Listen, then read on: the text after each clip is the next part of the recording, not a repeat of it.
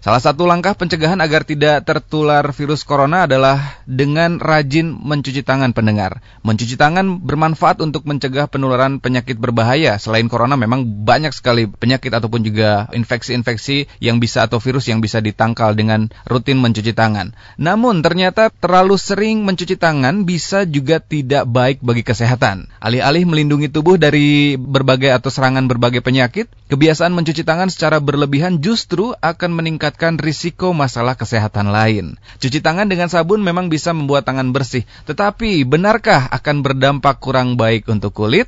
Kita akan berbincang dengan Dr. Diah Puspitosari SPKK dari Klinik Utama Amara Sahya, Klinik Utama Skinner, dan juga Jabar Bergerak. Assalamualaikum warahmatullahi wabarakatuh. Waalaikumsalam warahmatullahi wabarakatuh. Apa, Apa kabar? kabar Kang Tio? Alhamdulillah baik. listener semuanya semoga dalam keadaan sehat ya. Alhamdulillah. Sudah mulai berkegiatan? Belum. Mm -hmm. Soalnya ada janji dulu sama Fit habis ini baru saya. Terima kasih. Terima kasih banyak. Dokter, tanggapan awal dulu dokter mengenai program vaksinasi dan pandemi ini, Dok? Ya. Jadi mm -hmm. vaksin ini merupakan salah satu upaya ya, upaya kita untuk mencegah penularan COVID-19 ini lebih luas gitu. Tapi mm -hmm. yang harus diingat juga oleh masyarakat bahwa vaksin ini bukan satu-satunya cara gitu ya. Hmm. Artinya ya, untuk protokol kesehatan yang lain jangan lupa untuk tetap harus diterapkan. Bukan berarti kalau kita sudah divaksin kemudian kita juga bebas gitu ya. Hmm. Hmm. Bebas beraktivitas, bebas berkumpul, tidak melakukan protokol, hmm. tidak menggunakan masker dan tidak mencuci tangan, tetap hal-hal lain tetap harus dijaga untuk mencegah penularan yang lebih masif lagi gitu. Hmm. Jadi hmm. mungkin seperti itu ya. Jadi salah satu upaya kita untuk melakukan perlindungan diri dan mencegah penularan, yeah. tetapi itu bukan satu-satunya cara. Mm-hmm. Jadi Baik. tetap harus kewaspadaan, tetap harus dijaga. Baik, protokol juga tetap harus diterapkan ya. ya. betul. Dokter siap untuk divaksin, dok? Insya Allah. Amin. Semoga oh, memang sudah mengisi data. Oh, sudah ya? Sudah ya? menunggu panggilan. Tinggal menunggu panggilan. Semoga lancar. Dokter semoga lancar, hasilnya juga baik begitu. Iya, amin. Dokter kita membahas salah satu protokol kesehatan dokter yang memang sangat familiar mungkin ya karena sering kali digaungkan yaitu salah satu dari 3M begitu. Mencuci ya. tangan menggunakan air dan juga sabun begitu ya. Nah, memang ini sangat bermanfaat bagi mencegah penyebaran ataupun juga penularan Covid atau penyakit lainnya begitu begitu. Ya. Tapi apakah betul memang ada dampak negatif bagi kita begitu yang terlalu sering mencuci tangan menggunakan sabun dan air ini, Dok? Uh, iya, mungkin kalau saya menyebutnya sih sebetulnya mungkin bukan efek negatif ya, tapi mungkin hmm. bisa saja timbul efek samping hmm. yang sebetulnya juga tidak semua orang mengalami ya dan sebetulnya bisa kita cegah juga gitu. Jadi pada prinsipnya memang mencuci tangan ini mengapa harus dilakukan karena dengan mencuci tangan ini memang dapat membunuh partikel-partikel virus mm -hmm. yang menempel di tangan kita. Mm -hmm. Itu sebabnya direkomendasikan untuk kita mencuci tangan menggunakan air dengan sabun dengan mm -hmm. waktu minimal 20 detik ya kalau mm -hmm. dengan sabun, kemudian mm -hmm. kalau dengan menggunakan hand sanitizer minimal sekitar 40 detik. Nah, dengan mencuci tangan ini memang dapat menghilangkan partikel-partikel virus yang tadinya sudah menempel sehingga harapannya kan mm-hmm. ketika kita menyentuh wajah, menyentuh bagian tubuh yang lain tidak mm-hmm. menyebabkan terjadinya penularan. Nah, kalau disebut ada efek samping ya kemungkinan terjadi efek samping ada. Mengapa? Karena cuci tangan ini kan sering kita lakukan ya. Mm-hmm. Jadi kita bukan hanya sekali dua kali mencuci tangan dalam sehari. Apalagi kalau yang tenaga medis itu mm-hmm. setiap kali kita melakukan pemeriksaan, memegang sesuatu itu mungkin kalau dibilang udah nggak kehitung deh kita mm-hmm. cuci tangan itu berapa yeah. kali gitu ya. Iya yeah, betul. Nah apa yang terjadi?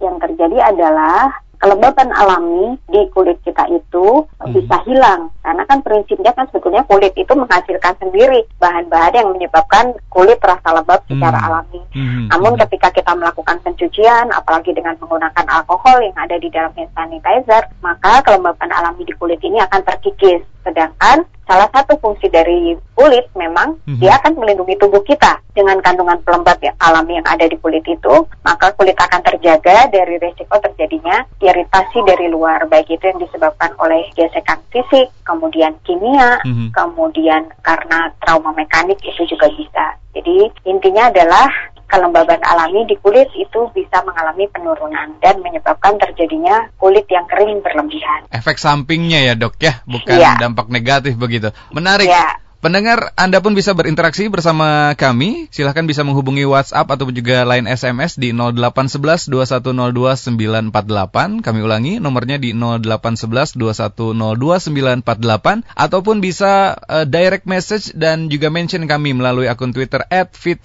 Bandung. Dokter, kita kembali lagi. Tadi sempat menyinggung bahwa tidak semua orang bisa terkena efek samping yang kurang-kurang hmm. baik ini gitu ya dok ya. Nah, ya. berarti ada spesifikasi orang dok yang seperti apa nih dok? Apakah apakah memang punya alergi tertentu atau seperti apa? Mungkin bisa dijelaskan, ya, Dok? Betul. Mm-hmm. Ya pertama yang yang mungkin akan rentan adalah orang yang memang pada dasarnya kelembaban alami di kulitnya itu sudah mengalami gangguan. Mm. Misalkan pada orang yang sudah usia lanjut, kan itu kan otomatis kadar minyak alami di kulitnya itu mengalami penurunan yeah. seiring dengan waktu ya. Nah ini sudah sudah merupakan satu faktor resiko. Mm -hmm. Kemudian pada orang yang tipe kulitnya memang cenderung sensitif. Jadi mm. orang yang kulitnya cenderung sensitif, selain beresiko terhadap bahan-bahan yang ada di dalam produk sabun maupun produk hand sanitizer-nya, mm. juga biasanya kulit yang sensitif ini dia lebih mudah mengalami gangguan mm. dan mudah mengalami kekeringan. Mm. Kemudian yang ketiga itu juga tipe orang yang kulitnya memang cenderung kering karena orang kan tipe kulitnya beda-beda ya. Yeah, ada yang yeah. kulitnya berminyak, ada yang normal, ada yang cenderung kering. Nah, tipe yang kulit kering dan sensitif ini juga sudah merupakan faktor resiko untuk mudah mengalami uh, terjadinya gangguan akibat terlalu sering mencuci tangan. Itu. Hmm. Tapi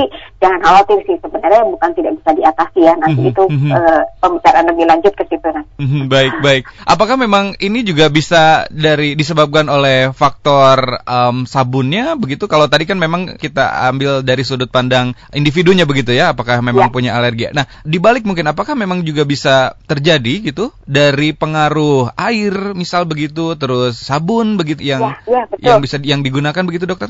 Ya, ya menarik sekali nih uh, hmm. pertanyaannya. Jadi sabun yang kita gunakan itu tentu memiliki pengaruh. Jadi hmm. gini ya, kadang-kadang uh, masyarakat itu atau orang itu suka merasa lebih aman ketika hmm. menggunakan sabun dengan jenis tertentu yang memberikan embel-embel menghilangkan kuman, yeah. menghilangkan bakteri, betul. gitu ya. Iya, yeah, betul. Nah, seperti itu. Yeah. Nah, sehingga dengan menggunakan produk seperti ini mm -hmm. sebetulnya ada bahan-bahan antiseptik yang ada di dalam kandungan bahan tersebut mm -hmm. yang justru bisa menyebabkan kulit menjadi cenderung lebih kering dari yang seharusnya. Mm. Nah, kalau di dalam rekomendasi WHO sendiri sebetulnya yeah. tidak ada sih penggunaan sabun itu harus yang sabun yang mohon maaf nih yeah. antiseptik yeah. tertentu gitu. Oh, tidak ada ya, Dok, ya? tidak. Tidak. Hmm. Jadi silakan boleh menggunakan sabun apa pun gitu. Hmm, hmm, hmm. Boleh karena yang menjadi inti bukan hanya sekedar kandungannya, tetapi juga lamanya kita mencuci tangan. Kemudian hmm. apakah caranya itu apakah menyeluruh atau tidak sesuai hmm. dengan yang tujuh langkah cuci tangan itu ya. Yeah, Kalau kita yeah. cuci tangannya cuma sebentar iya. itu yeah. Efektivitasnya menjadi jauh lebih menurun. Sehingga memang kalau dari kami rekomendasinya nih dokter-dokter kulit silahkan gunakan sabun yang sesuai dengan kondisi kulit masing-masing.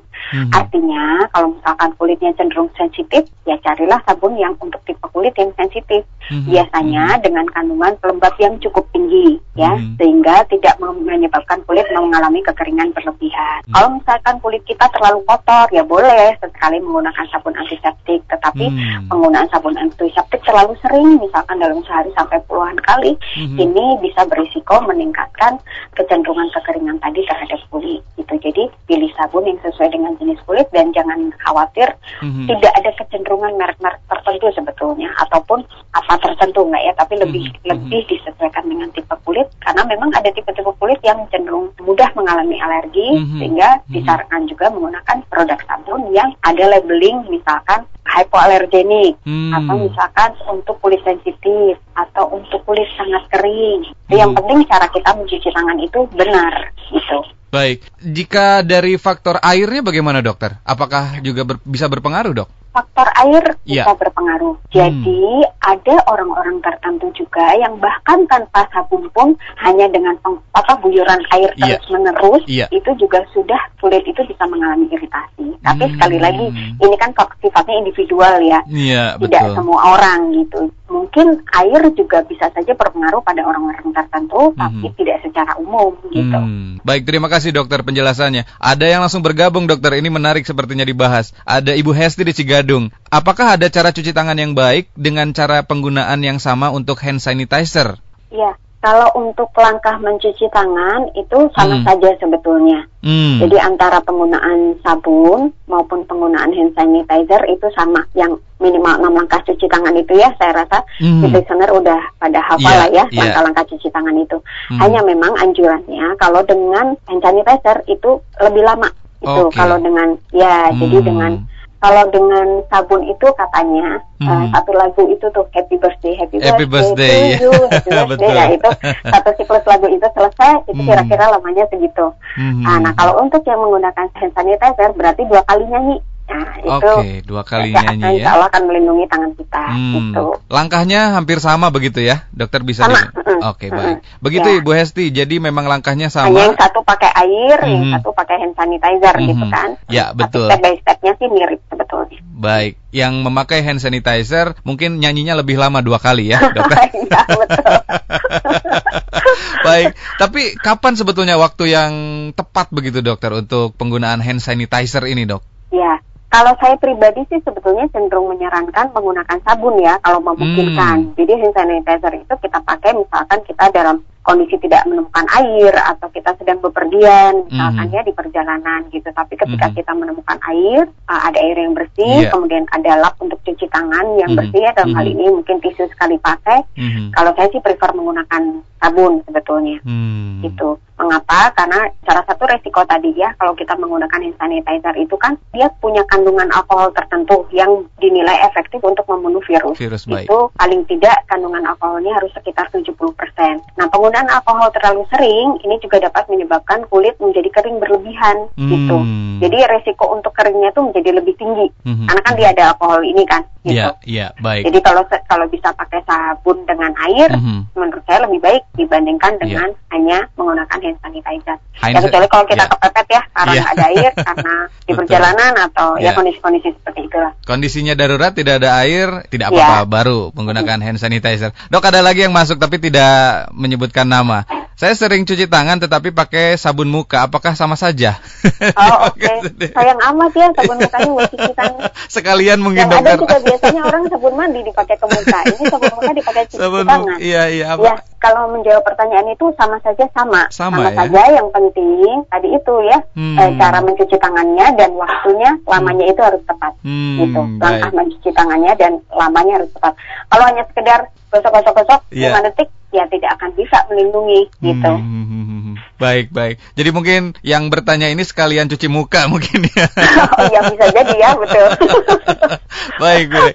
Terima kasih yang sudah bertanya. Baik lanjut lagi dokter. Ini apakah ada khusus atau sabun yang khusus begitu untuk untuk cuci tangan yang memang berhubungan dengan jenis kulit ataupun juga usia begitu dokter? Misalkan sabun bayi yang memang hanya peruntukannya untuk bayi atau seperti apa dok? Ya sebenarnya sih prinsipnya apa pun boleh, tapi kan memang hmm. sekarang ini kan produk hand wash itu juga sudah tersedia cukup banyak ya dengan berbagai pilihan. Hmm. Jadi mungkin intinya sih silahkan sabun apa pun itu boleh digunakan. Intinya hmm. begitu. Hmm. Tapi misalkan kita di rumah sedianya ada sabun uh, mandi yang dipakai untuk cuci tangan, ya hmm. boleh-boleh saja. Hmm. Tapi kalau misalnya fit listener menjadi menyediakan sabun cuci tangan khusus itu juga lebih baik gitu. Hmm. Nah, tapi mohon mungkin kalau saya sih cenderung silahkan dibaca dulu nih misalkan kandungannya apa, kemudian dia ada fungsi melembabkan atau tidak, kemudian ada bahan-bahan tertentu yang bisa menyebabkan kulit menjadi uh, jadi gini ada beberapa bahan alami tertentu yang suka ada tuh di dalam kandungan sabun cuci tangan ya mm-hmm. dia memang ada fungsi untuk melembabkan contohnya mm-hmm. misalkan dia ada kandungan aloe veranya mm-hmm. nah itu kan dia ada fungsi melembabkan, tapi sebaliknya ada juga bahan tertentu yang bersifat antiinflamasi atau anti peradangan yang kadang-kadang mm. tidak cocok untuk tipe-tipe kulit yang cenderung sensitif mm. gitu Baik. Misalkan lemon itu belum tentu orang yang kulitnya sensitif itu bisa pakai hmm. itu atau misalkan ekstrak tea tree misalkan itu juga hmm. belum tentu orang yang cenderung sensitif ini bisa cocok menggunakan bahan tersebut. Hmm. Gitu. Baik, dokter kalau jadi penasaran sabun untuk cuci tangan khusus yang mengandung moisturizer itu seperti apa sih dok? Uh, kalau merek tertentu sih saya nggak bisa mention ya, hmm. tapi mungkin yang bisa dibaca adalah kandungan kandungannya hmm. gitu. Jadi uh, misalkan dia mengandung uh, tadi itu yang sudah saya sebut ya lidah yeah. buaya, yeah, lidah kemudian buaya. ada kandungan yogurt misalnya, mm -hmm. kemudian uh, beberapa bahan lain yang ada di minyak-minyakan tertentu, minyak mm -hmm. mineral atau minyak zaitun, mm -hmm. itu juga bisa membantu. Baik, dokter ini jadi penasaran lagi nih kami. Uh, Aduh, penasaran dulu nih, Mumpung ada dokter kan? jadi sekalian begitu. Nah, apakah memang sabun ini bisa terlihat uh, apa namanya ya? Sabunnya memang masih baik atau sudah tidak baik lah begitu bisa dibilang kondisinya ya, dokter. Apakah bisa dilihat dari buihnya begitu atau busanya begitu, dokter? Hmm, sebetulnya enggak juga ya, tapi hmm. yang paling penting sih fit listener Kang Tio juga ya, yeah. kalau misalkan beli produk ya tentu harus kita baca dulu nih tanggal kadaluarsanya hmm, apa. Iya, baik, ya. baik. Yeah. Itu dulu yang harus kita cermati. Hmm. Jadi pertama produk yang dibuat hmm. uh, oleh produsen yang bisa dipercaya. Hmm, hmm, hmm. Kemudian ada tanggal produksi, ada tanggal kadaluarsa. Hmm. Kemudian kandungan bahannya jelas, hmm. manfaatnya jelas. Hmm. Kemudian terregister di BPOM hmm, tentunya. Baik. Ya. Baik. Kalau busa tidak bisa mencerminkan karena hmm. karena busa itu di setiap sabun e, bisa berbeda. Jadi hmm. misalkan gini untuk kulit yang cenderung sensitif biasanya produsen itu membuat produk sabun justru yang nggak ada busanya. Jadi pasti okay. gosok itu dia nggak berbuih hmm. karena memang salah satu kandungan bahan pembuat busa itulah yang menyebabkan kulit lebih mudah kering dan lebih hmm. mudah mengalami iritasi. Baik. Tapi sebaliknya kalau kulit yang cenderung berminyak biasanya si sabun itu dibuat lebih berbuih gitu. Jadi hmm, uh, hmm. agak sulit sih ya kalau menurut saya patokannya dari situ. Baik baik. Uh -uh. Jadi memang tidak menentukan begitu ya kualitas dari sabun begitu dengan hanya melihat buihnya ya. Ya maksudnya kalau busanya banyak kualitasnya lebih baik gitu enggak sih. betul, betul. Mungkin cuci tangannya dengan deterjen ya dokter. baik dokter kita lanjut dokter. Jenis penyakit apa yang bisa timbul ketika memang akibat uh, terlalu sering mencuci tangan dok? Ya Pertama bisa terjadi iritasi. Jadi iritasi itu yang tadi itu ya akibat terlalu sering bisa karena hmm. airnya, hmm. bisa karena kandungan bahannya, iritasi atau alergi. Hmm. Nah kalau alergi ini memang terjadi pada orang yang sensitif terhadap bahan-bahan tertentu. Hmm. Tapi yang pertama sebelum proses itu terjadi, pertama kulit akan kering dulu, hmm. kemudian dia mengalami dermatitis kontak yang kita sebut dermatitis kontak iritan atau dermatitis kontak alergi hmm. dengan gambaran kulit yang sangat kering, kemudian dia bisa bersisik, bisa merah, gatal gatal mm-hmm. gitu ya. Nah, step berikutnya karena mungkin rasa gatal, merah dan kering yang berlebihan ini bisa menyebabkan kulit pertama menjadi laserasi atau lecet karena kita garuk misalkan. Mm. Kemudian bisa juga cracking atau pecah karena pecah. kulit mm-hmm. keringnya sendiri. Mm. Nah, kalau sudah terjadi cracking, sudah terjadi lecet, artinya kan kondisi kulit terbuka. Jadi dia akan rentan mengalami terjadi uh, infeksi, terutama infeksi bakteri, mm. sehingga bisa timbul infeksi sekunder ya dengan tanda-tanda bisa terjadi kulitnya Baik. kemudian mengalami merah berlebihan, mm -hmm. panas, terasa panas, mm. bisa nyeri, bahkan pada kondisi tertentu bisa timbul nanah ya kalau sudah infeksinya mm. berlebihan. Mm -hmm. Seperti itu. Baik, ada Ibu Maya di Cimahi, dokter. Ya. Penggunaan sabun batang apakah tidak bermasalah? Ya. Nah, itu dia mungkin Ibu pertanyaannya. Maya. Okay. Ibu Maya, silahkan boleh-boleh saja menggunakan sabun batang ya. hmm. ya uh, yang penting cara mencuci tangannya betul dengan waktu yang cukup. Nah, hmm. tapi nanti sambil dilihat juga Ibu Maya termasuk tipe kulit yang sensitif atau enggak gitu ya. Hmm. Hmm. Jadi harus dipilih juga sabun yang tidak menyebabkan kulit menjadi kering berlebihan hmm. gitu. Baik, jadi tidak masalah ya dokter ya mungkin tidak masalah. mau yang cair yang batang begitu ya, ya? asal jangan minjem begitu ya. ya benar benar benar. Baik, pendengar Anda pun masih bisa berinteraksi bersama kami masih dibuka line SMS dan juga WhatsApp silahkan di 0811 2102 948 kami ulangi nomornya di 0811 2102 948 ataupun juga Anda bisa mention kami melalui akun media sosial Twitter @fitradiobandung. Baik dokter, kita lanjut lagi dokter. Seperti apa kondisi yang memang perlu diperhatikan dokter saat mencuci tangan yang baik gitu sekarang yang digaungkan ya begitu ya dalam 3M ini untuk mencegah penyebaran COVID gitu.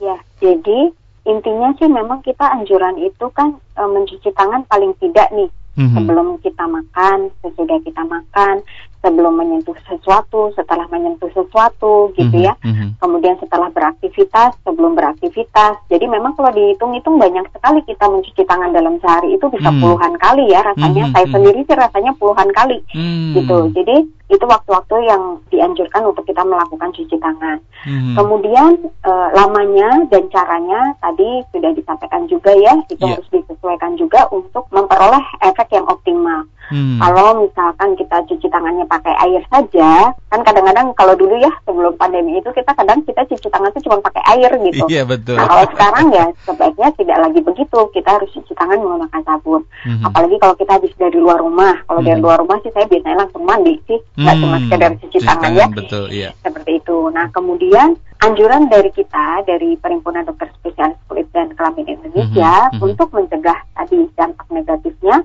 setelah kita melakukan cuci tangan silahkan mm -hmm. gunakan pelembab mm -hmm. ya yeah. jadi pelembab moisturizer yeah. untuk kulit gitu jadi anjurannya begini Kang mm -hmm. kalau misalnya kita cuci tangannya pakai sabun cukup oleskan pelembab satu kali tapi hmm. kalau misalkan kita menggunakan hand sanitizer, hmm. karena tadi ya resiko kekeringan hmm. lebih tinggi, aplikasikan pelembabnya itu dua kali. Hmm. Jadi berapa kali dalam sehari? Ya sering gitu. Hmm. Itu salah satu cara untuk uh, mencegah uh, efek samping dari cuci ini hmm. gitu. Hmm. Jadi saya juga kalau ke mana-mana bawa hand sanitizer ya, bawa pelembab ya gitu. Hmm. Baik penggunaan glove apakah memang membantu dokter untuk hmm. untuk tidak terlalu sering untuk mencuci tangan dan juga menjaga kelembaban begitu dokter? Apakah memang enggak membantu? Sih. Enggak ya? Enggak sih. Hmm. Enggak. Jadi glove itu ya hanya diperlukan pada kondisi tertentu ya untuk kita tenaga medis misalnya ketika kita me menyentuh pasien hmm. dan itu kan langsung kita buang. Hmm. Gitu kan. Jadi saya kadang-kadang apalagi waktu awal-awal pandemi ya, yeah. saya suka melihat orang yang menggunakan glove kemudian dipakai seharian gitu yeah. di glove itu. ya, sementara itu kan dia megang ini itu, megang ini itu setelah megang megang benda A, megang benda B, megang benda C gitu. Yeah. Alat itu tetap menempel. Ya kalau yeah. kita lupa misalnya tiba-tiba megang muka atau megang apa, yeah. menurut saya lebih berisiko, lebih baik nggak usah, lebih mm. baik nggak usah. Tapi mm. kita makanya nggak pernah dianjurkan juga kan penggunaan mm. sarung tangan. Yeah, yang betul. dianjurkan adalah cuci tangan gitu. Mm -hmm. Tapi memang ada Seperti beberapa kasus yang uh, lebih memilih memakai gloves memang betul dokter dan dicuci tangannya memak memakai gloves gitu. sarung tangannya dicuci. Kayaknya enggak deh, enggak perlu ya. Enggak perlu juga ya. Baik. Nah, makanya enggak pernah dianjurkan juga kan. Baik.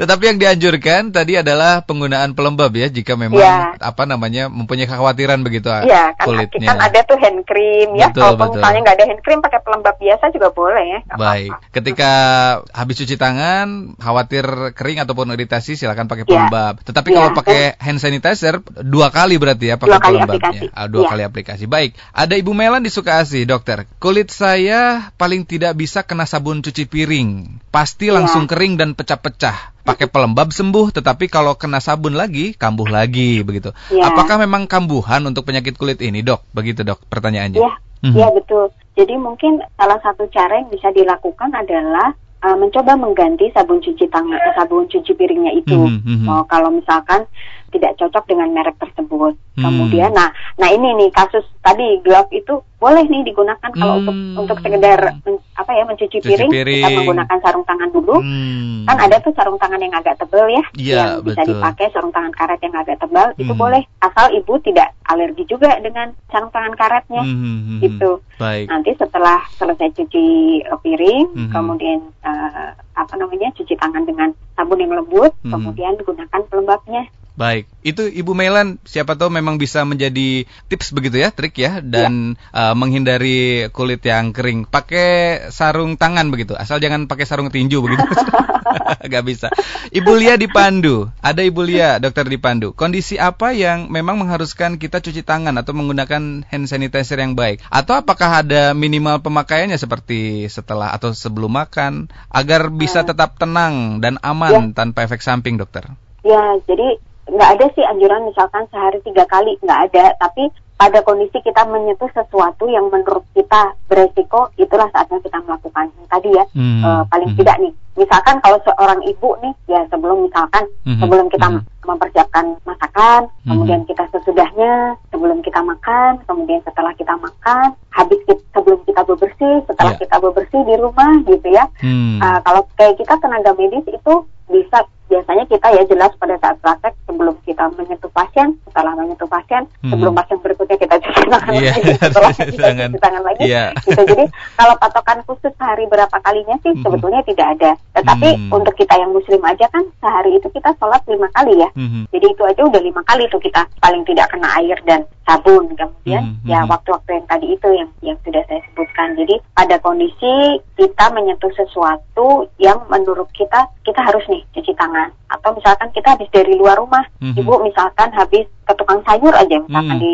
di depan rumah masuk ya harus cuci tangan gitu mm-hmm. kan kita pegang handle pintu pegang pagar ya yeah. segala macam apalagi sudah memegang uang ya dokter ya ini yeah, yang memang uh, sangat rawan dokter yeah. ini ada pertanyaan yang menarik dari bapak Yudi di Supratman dokter sempat menyinggung memproduksi uh, kulit kita bisa memproduksi pelembab sendiri begitu ya tadi di awal yeah. gitu dan adanya Betul. bakteri alami pelindung dari luar secara alami begitu apa kalau keseringan cuci tangan akan menghilangkan herd immunity dari kulit sendiri atau daya tangkal kulit alami begitu dokter?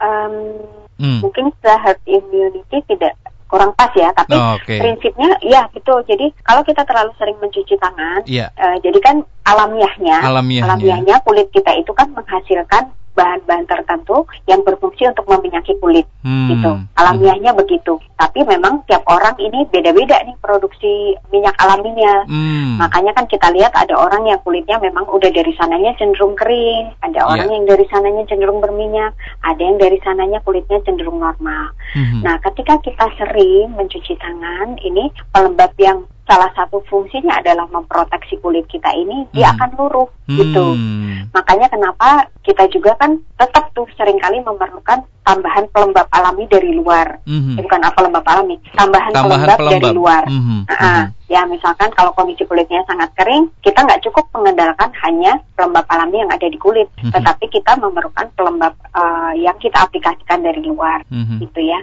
Nah, ya. satu lagi yang tadi belum sempat disinggung itu tentang nutrisi, Kang. Baik. Jadi diperlukan juga nutrisi yang baik ya untuk menunjang kulit tetap mm -hmm. Terhidrasi dengan baik. Mm -hmm. Jadi dengan asupan vitamin. Vitamin itu bukan berarti vitamin vitamin ya, mm -hmm. tapi, tapi mm -hmm. vitamin yang kita peroleh dari asupan makanan. Mm. Kemudian air minum, minum tentunya yang mm -hmm. cukup supaya -hmm. kulit kita tidak mengalami kekeringan mm -hmm. gitu. Jadi vitamin-vitamin ini kan bisa kita peroleh dari sayuran, dari buah-buahan. Jadi di samping untuk menjaga kesehatan kulit juga mm -hmm. menjaga kesehatan tubuh secara keseluruhan. Baik, suplemen bisa di, difungsikan begitu ya untuk membantu ya dokter ya? Suplemen uh, bisa-bisa saja, hmm. tetapi harus diingat juga bahwa sebetulnya kebutuhan vitamin-vitamin kita itu juga nggak gede-gede amat sih. Artinya hmm. kalau misalkan sudah terpenuhi dari kebutuhan dari nutrisi yang masuk, yeah. itu sering kali sebetulnya suplemen tidak lagi diperlukan.